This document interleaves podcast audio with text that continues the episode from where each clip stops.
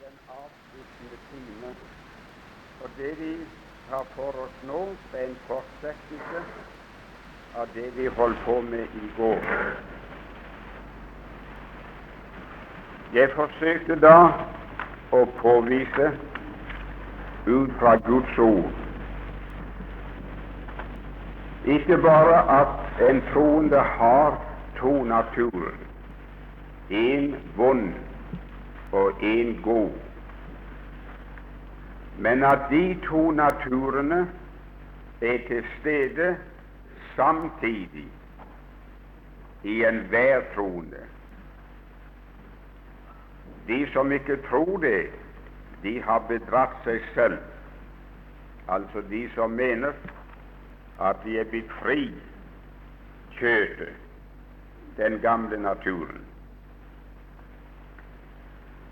Uten å kunne tale om det, så vil jeg nå bare gjøre en bemerkning som jeg ikke rakk å få med i går.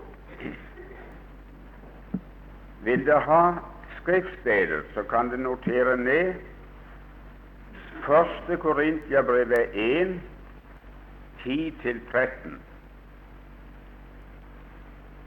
Første Korintiane 1, 10-13. Første Korintiabrevet 3, 3-4. Første Korintiabrevet 5.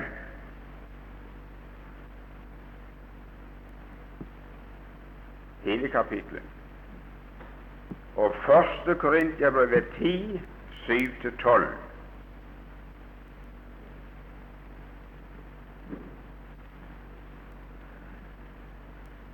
Der vil de finne, om de leser stedene, at Paulus beskylder de troende i Korint for kjødelighet, partiskhet, urett som de begår, og formaner dem til ikke å leve etter kjøttet. Jeg har ikke tid å slå dem opp og tale noe nærmere om dem nå, men vil på det bestemteste få understreke at det om kjødelighet, partiskhet, hovmod, urett og verslige lyster, det skriver han til troende om hvem han selv sier i kapittel 12, 13, at de er døpt med Den hellige ånd. Det er ikke mennesker som ikke har fått Åndens dåp, som er verslige, partiske, kjødelige, oppleste og begår urett, og som må settes under tukt og disiplin. Men det er mennesker om hvem han selv sier at vi er jo alle døpt med én ånd til å være ett legeme. Hvordan da noen kan få seg til hvor de har den frekkheten ifra å si at det finnes troende mennesker som ikke er døpt med Den hellige ånd, det er hinsides min forstand. For det å tale direkte imot det som står skrevet i Testamentet, og det får en selv ta ansvar for. Men nok om det. Det jeg vil samle sinnet om nå til slutt, det er to eller tre andre ting. Det første er et spørsmål, nemlig dette Hvorledes lærer en kristen den gamle natur å kjenne. Nå har vi to naturer, det har vi slått fast. Men det er én ting å ha dem, en ganske annen ting å kjenne dem. Og på hvilken måte, ifølge Skriften og erfaringen, lærer vi å kjenne sannheten om vår naturlige tilstand, vår gamle natur? Så langt jeg har vært i stand til å se, så skjer det kun på to måter. For det første så kan vi kjenne den teoretisk, nemlig ved å lese alt det som Guds ord forteller oss om den naturen. Vi har direkte ord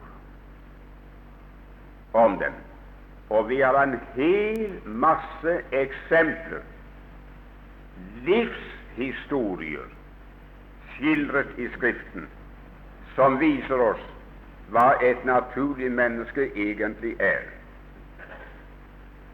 Den kunnskap, den kan vi få ved simpelthen å granske og studere Guds ord. Men det er bare en teoretisk kunnskap.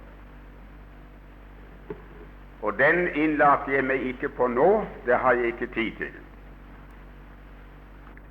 Den andre måten er å lære å kjenne den ved personlig erfaring. Om det vil jeg gjerne si noen få ord.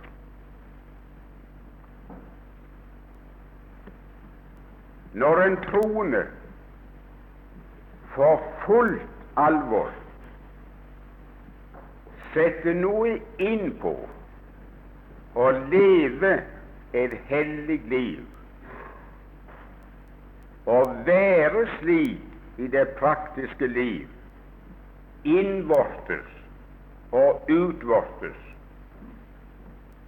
som det sømmer seg en kristen. Da, og først da, gjør han erfaring på hva hans naturlige tilstand er.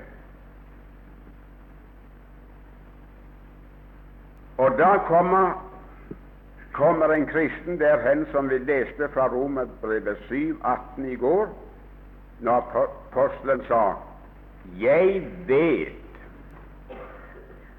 Jeg har ikke lest det, jeg har ikke lært det, men jeg vet at i meg, det er i mitt kjød, bor det intet godt.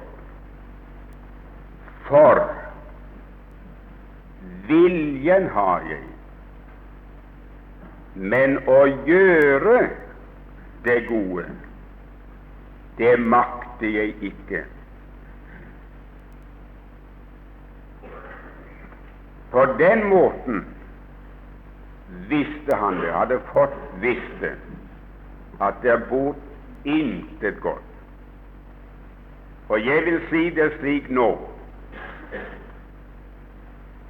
det de mislykkede hellighetsforsøkene i livet vårt som overbeviser oss hvem og hva vi er.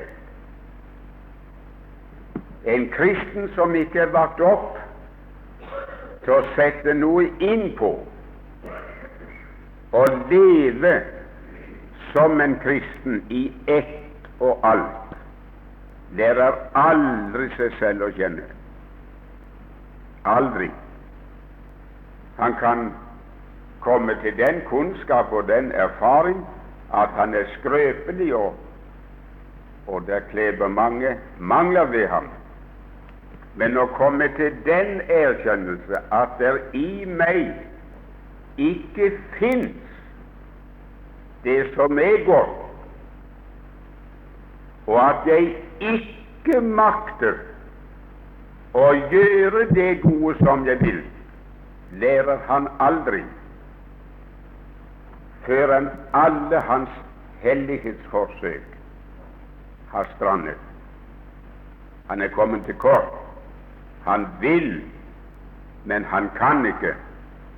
Og han har funnet ut at årsaken den ligger her. Det er materialet som er udugelig.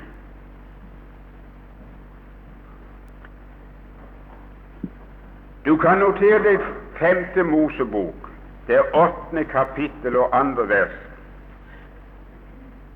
Der sier Herren til Israel Og du skal komme i hu all den vei som Herren har ført deg disse 40 år for å kjenne deg, prøve deg og finne hva der bor i ditt hjerte.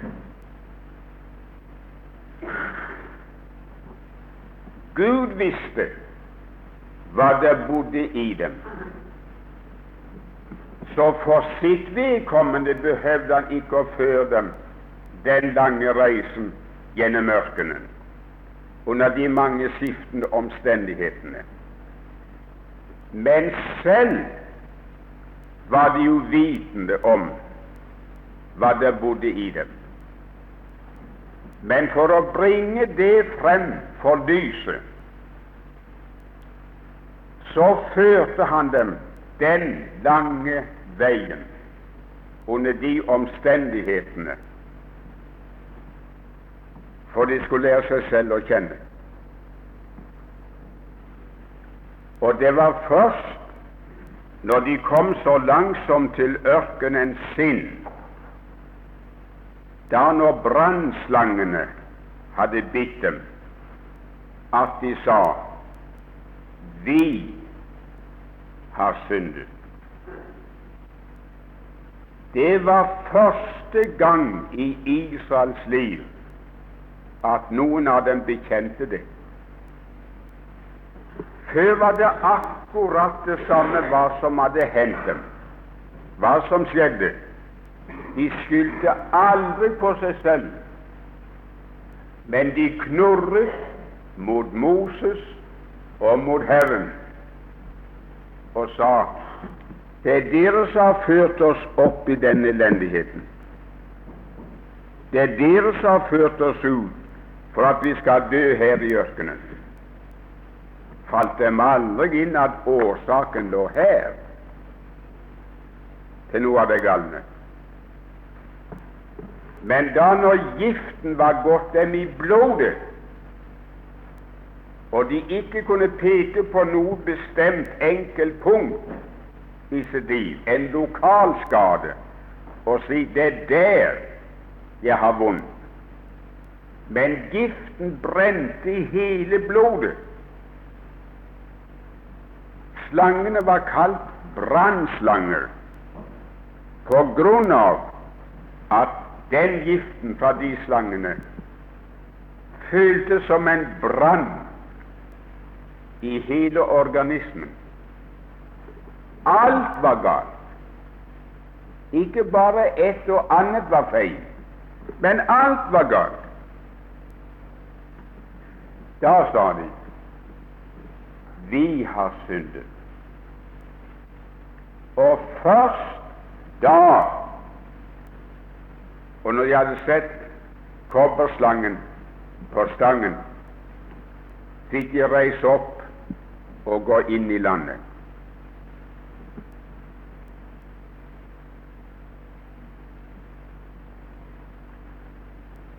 La meg ta ett eksempel.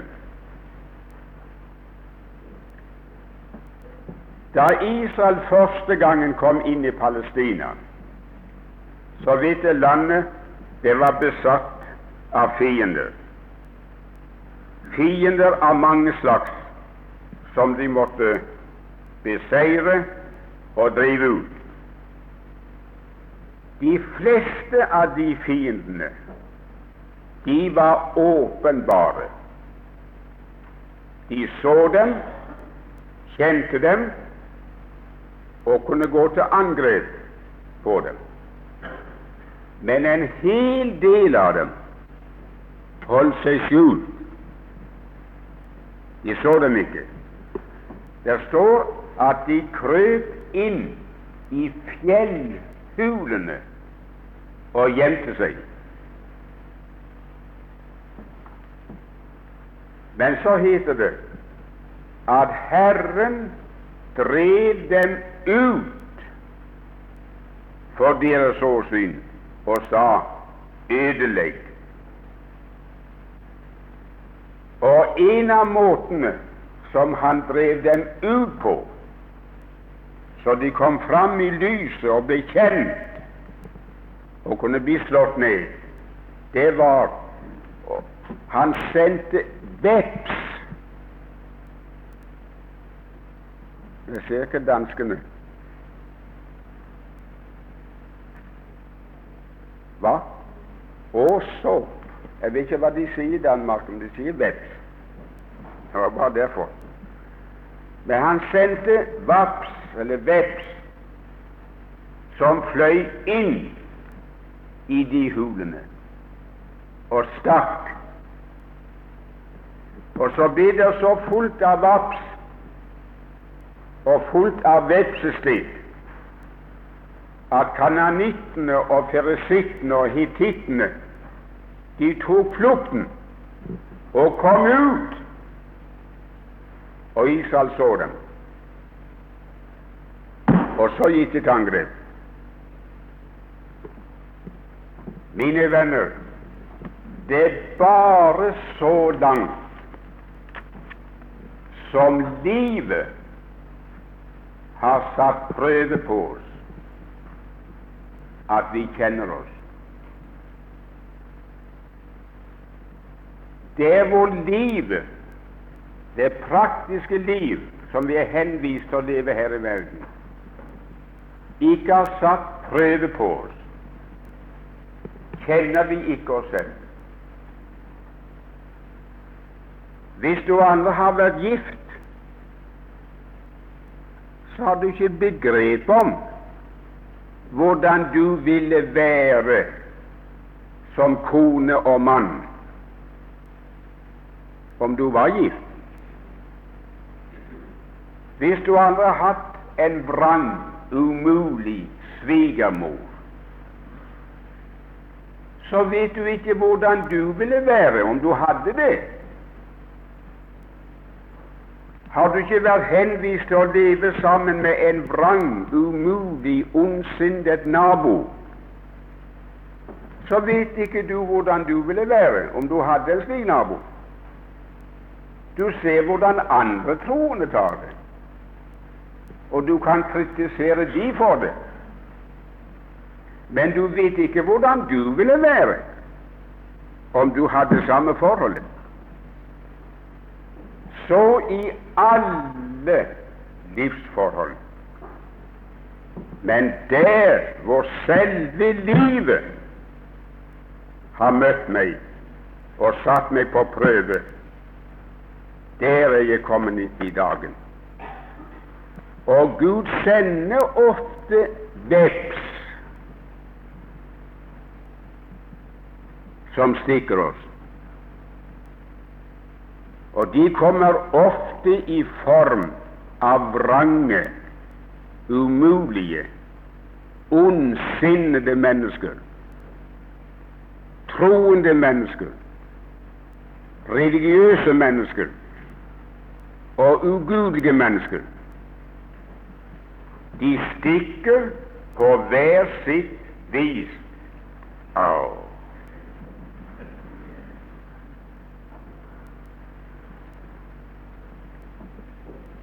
Så stikker noe frem av hvordan jeg er når jeg får slike stikk.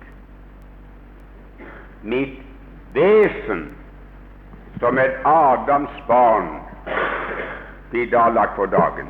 Jeg står og preker på prekestolen, er det ikke noen vaps. Her er ikke noe som stikker meg. Her er ikke noe som røk ut den gamle Adam. Men i det praktiske liv, hvor du skal omgås med syndere, der er vaps. Der blir du sukken. Det var en predikant som snakket med en ja, nærmest Han ga seg iallfall ut for fritenker. Og han hevdet at det var bare når man ble en kristen, man hadde fred og kunne være lykkelig. Og han mente, mente nei. Det er nok av lykkelige mennesker som ikke er troende. Så sier Predikanten til slutt Kan De ta tid til å bli med meg, så skal vi gå ut blant menneskene, ut på byen, ut på landet, og så oss i snakk med folk, og så se om vi kan finne en som har det godt i denne verden og er tilfreds i denne verden. Kort fortalt, det ble til det. Og så sier predikant nå kan du eksaminere det og spørre, så jeg bare hører på. Ja, sannelig. Vi skal ikke behøve lang tid på oss å finne den slags. Og de spurte og spurte, men han fant ingen. Det var alltid noe som var i veien. Alltid. Så kom vi forbi en bondegård, en farm, borte i Amerika. Så gikk jeg en ung mann og arbeidet. Så gikk jeg hen til ham. Nå, sånn, hvordan trives du her? Storartet. Ja, De ser ut til å være en lykkelig mann, sa han. Ja, jeg er, jeg er i grunnen det. Blinket han til predikanten. Her har vi en. Du er tilfreds, altså, med livet og forholdet. Ja, ja jeg, jeg er i grunnen det, men ja, er det noen menn? Ja, det er de det men Den farmeren som jeg er hos, han holder en del gjes. Og det er en gasse som er mannvond. Og det hender Nesten aldri jeg kommer hjem fra arbeidet uten jeg har den gassen i, i leggen hvor han biter meg. Og det med en sann plage. Så nå har jeg spekulert på å si opp og flytte herfra. Jeg har god betaling, god fortjeneste, men den får heller gå. Jeg er trett alle disse, veps, disse gassebitene i leggen. Så ga de opp. Og så sa predikanten jeg tror vi kan slutte. For det er minst én gås eller gasset som biter oss i leggen.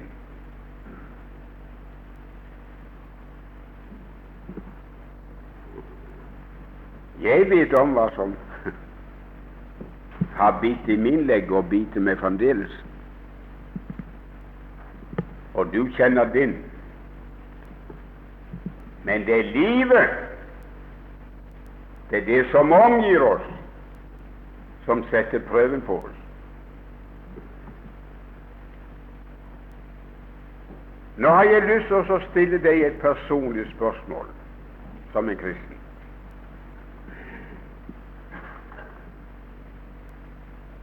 Og jeg stiller det aller mest til de av dere som har hatt det helt klart at du ble et gjenfødt menneske,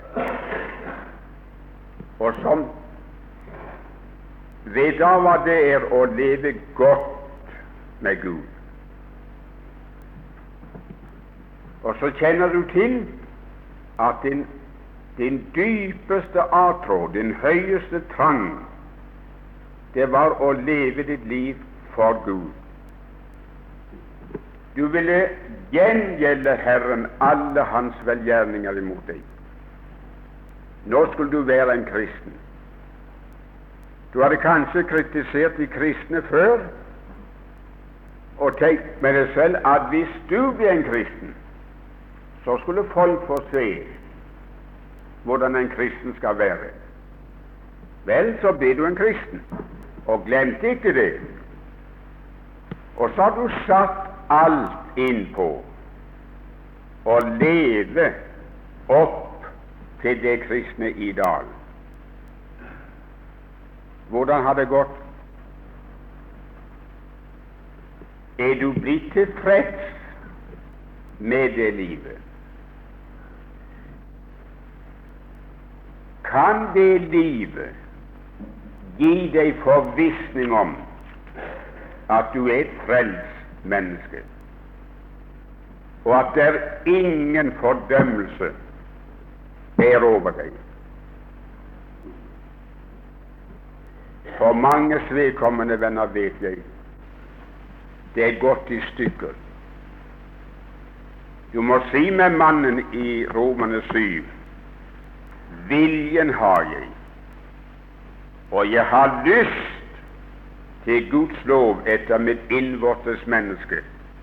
Men å gjøre det der gode, det makter jeg ikke. Selv om du ikke i ditt utvortes liv skeier ut i grove synder, så går det stykker her innvortes der er du uren og vanhellig i tanker og begjæringsliv og fantasilivet og alt det der. Der er du ugudelig. Du er simpelthen blitt sjokkert over din egen tilstand. Da du ble en kristen, hadde du aldri drømt om at du var slik som du er. Og så har djevelen tatt anledning av all din tilkortkommen og snakket fornuft til deg og sagt Kan du ikke engang innse og forstå det, at du er en hykler? Hvis du var en ekte kristen, så måtte du være annerledes. Så måtte du kunne føle deg ren og hellig og god. Og så måtte det komme i dagen i ditt praktiske liv at du i ett og alt var som du skulle være. Kan du ikke innse bedraget, og så snu Gud ryggen og gi det helt opp? så blir så treff av kristendommen din at du vet ikke den arme råd. Der har jeg vært, og der har jeg fortvilt. Men nå vil jeg bare si det, min venn. Fortvil ikke. Du har ingen grunn for å fortvile. Forlån meg fornuften din et øyeblikk.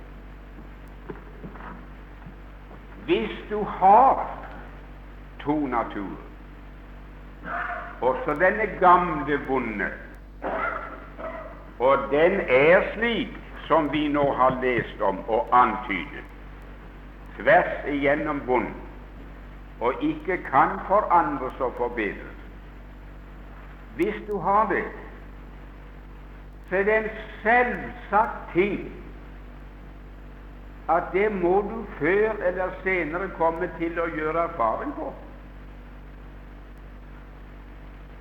Enten del så må han være død. Og ikke gi livstegn fra seg.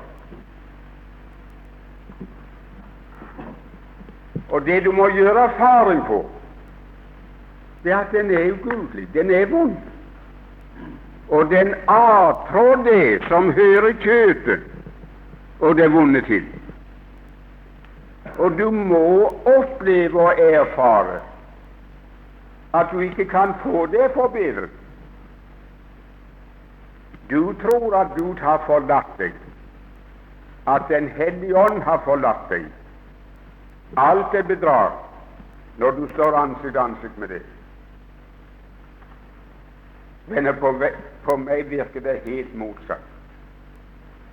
Når jeg kjenner og står ansikt til ansikt med det, så sier jeg takk, kjære Herre, at jeg får lov å være i ditt lys.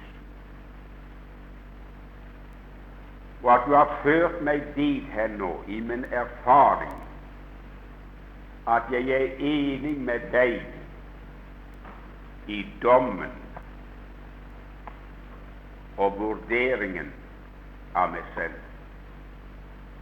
Jeg ville aldri ha visst og kjent hvem og hva jeg er, om du hadde snudd meg ryggen og tatt en ånd og ditt lys ifra meg. Som en venn du har all Nei, det var feil sagt. Gud har aldri vært deg nærmere enn han er da, når du får tvil over det selv. For det er hans lys og hans førelse som har ført til at du får tvil over det selv. Og nå har jeg snakket med mange her under kurset. Jeg, jeg er for gammel nå til å holde på med bibelkurset. Det kjenner jeg godt. Nå har vi holdt på hver kveld så sitter klokken tolv natt og snakker med folk som er nød og vanskelighet. Vanskelig har det for å sove. Må sove kunstig hver natt. Og verre blir det når du ikke kommer i seng før klokken ett og halv to, og så er anspent fra møtene og fra alle de du har vært i kontakt med. Og jeg har møtt mange venner som går her, som nettopp står der. Og Gud hjelpe meg slik som jeg er.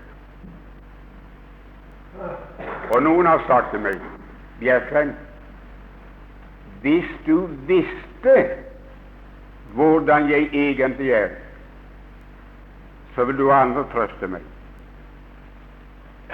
Men når du trøster meg og viser meg dette her, så er det fordi du kjenner meg ikke Du tror jeg er bedre. Ja. Nei, min venn. Det er nettopp fordi jeg vet det. Og forstår det bedre enn du forstår det selv, hvor splitta galt det er. Men jeg vet om, min venn, et annet forhold og vet om det som er vår redning for tid og for evighet. Og Derfor kan jeg trøste et menneske i den stilling.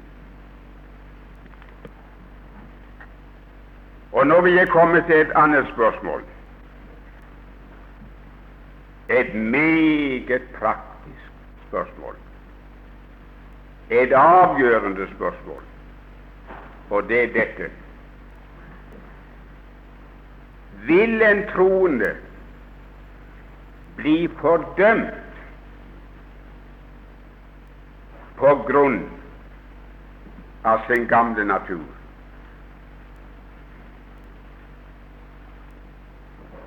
Er vi henvist, venner, til å gå fortapt på grunn av vår syndige ugudelige tilstand, som vi aldri har kunnet forbedre, og som ikke er blitt forbedret.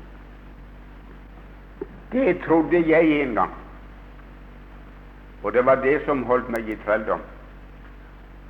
Og det var det som gjorde at jeg var, jeg var mer redd for Gud enn jeg var redd for djevelen. Jeg var på langt nær ikke så redd djevelen som jeg var redd for Gud. For jeg trodde hans første tanke var å finne den første, beste anledning og grunn til å stryke navnet av livsens bok og sende meg til helvete. Og så trodde jeg meg frelst bare så langt og så lenge som jeg var noenlunde tilfreds med meg selv og med min egen kristendom. Når jeg fikk det til, ja, da, da smilte gamlingen. Da lysna han i ansiktet. Men fikk jeg det ikke til Jeg fant ingenting godt. Jeg fant bare vondt. Tørde ikke se opp. Og jeg tenkte når, når jeg ser så mye galt hos meg og uren, hva ser så ikke Gud, som ser meg tvers igjennom? Og så var det å ta seg sammen og bøye kne og be Å Herre Jesus, hjelp meg til å bli annerledes til å bli gudelig og ren. Men gudskjelov og takk, han bønnhørte meg ikke. Han, jeg ba og skrek om seier dag og natt, men i stedet for å gi meg seier over synd, så ga Gud meg en spark, så det gikk galnere enn før. Vet du hvorfor? For Gud var så vis og klok at han visste Stakkars Bjerkem.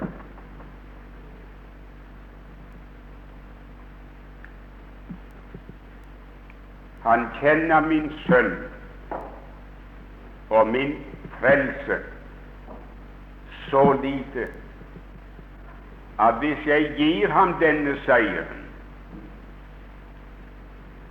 så gjør han det om til sin frelsesgrunn. Så vil han tro seg frelst fordi at nå har han seier. Nå vil han tro seg frelst, for nå føler han godt hver eneste dag.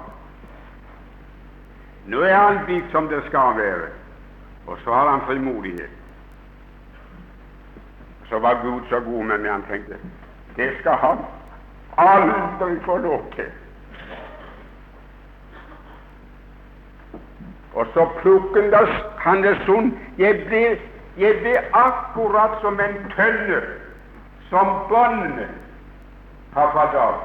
Og så sto det og skulle holde sammen disse stavene, så tønna ikke skulle ramle. Jeg holdt på å bli gal. Men, min venn, da Gud åpenbarte meg at det er ingen fordømmelse for meg i Kristus Jesus, og viste meg et annet menneske som han har antatt meg i, og hvor min frelse avgjøres, så resonnerte Gud på en annen måte. Nå kan jeg gjerne si det. For nå er han ikke så spinngalen at han bygger sin frimodighet overfor meg på sin seier og sin dydighet. Og syndervenner som jeg aldri kunne seire over før, fikk jeg seier over da. Og jeg seiret ikke ved kamp imot det. Men jeg seiret ved tro, ved å være opptatt med sannheter om en annen mann.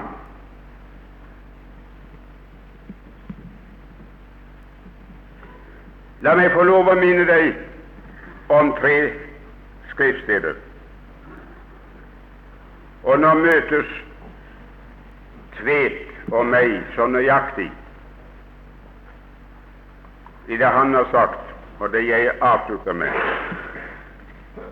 I Romane 6, 6 står det og jeg glemmer aldri første gang for mange år siden da Den hellige ånd lukket det ordet opp for meg. Jeg hadde lest det hundrevis av ganger før og kunne det utenat, men jeg har aldri sett hva det sto. Men da står jo det. Da vi jo vet dette, at vårt gamle menneske B-L-E ble korsfestet efter hans død.